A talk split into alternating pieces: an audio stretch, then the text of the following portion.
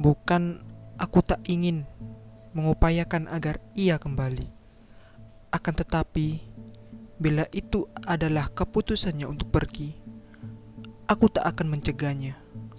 Selama ini, aku telah melakukan yang terbaik untuknya semampuku.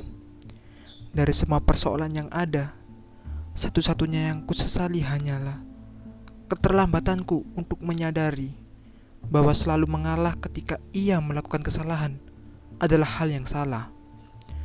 Aku membiarkannya dirinya berada begitu tinggi di atasku, yang membuatnya tak memiliki rasa takut kehilanganku. Seakan-akan bila aku pergi, ia pun tahu aku akan segera kembali. Yang kukira selalu mengalah adalah jalan terbaik. Ternyata itu malah membuatku tak berkutik.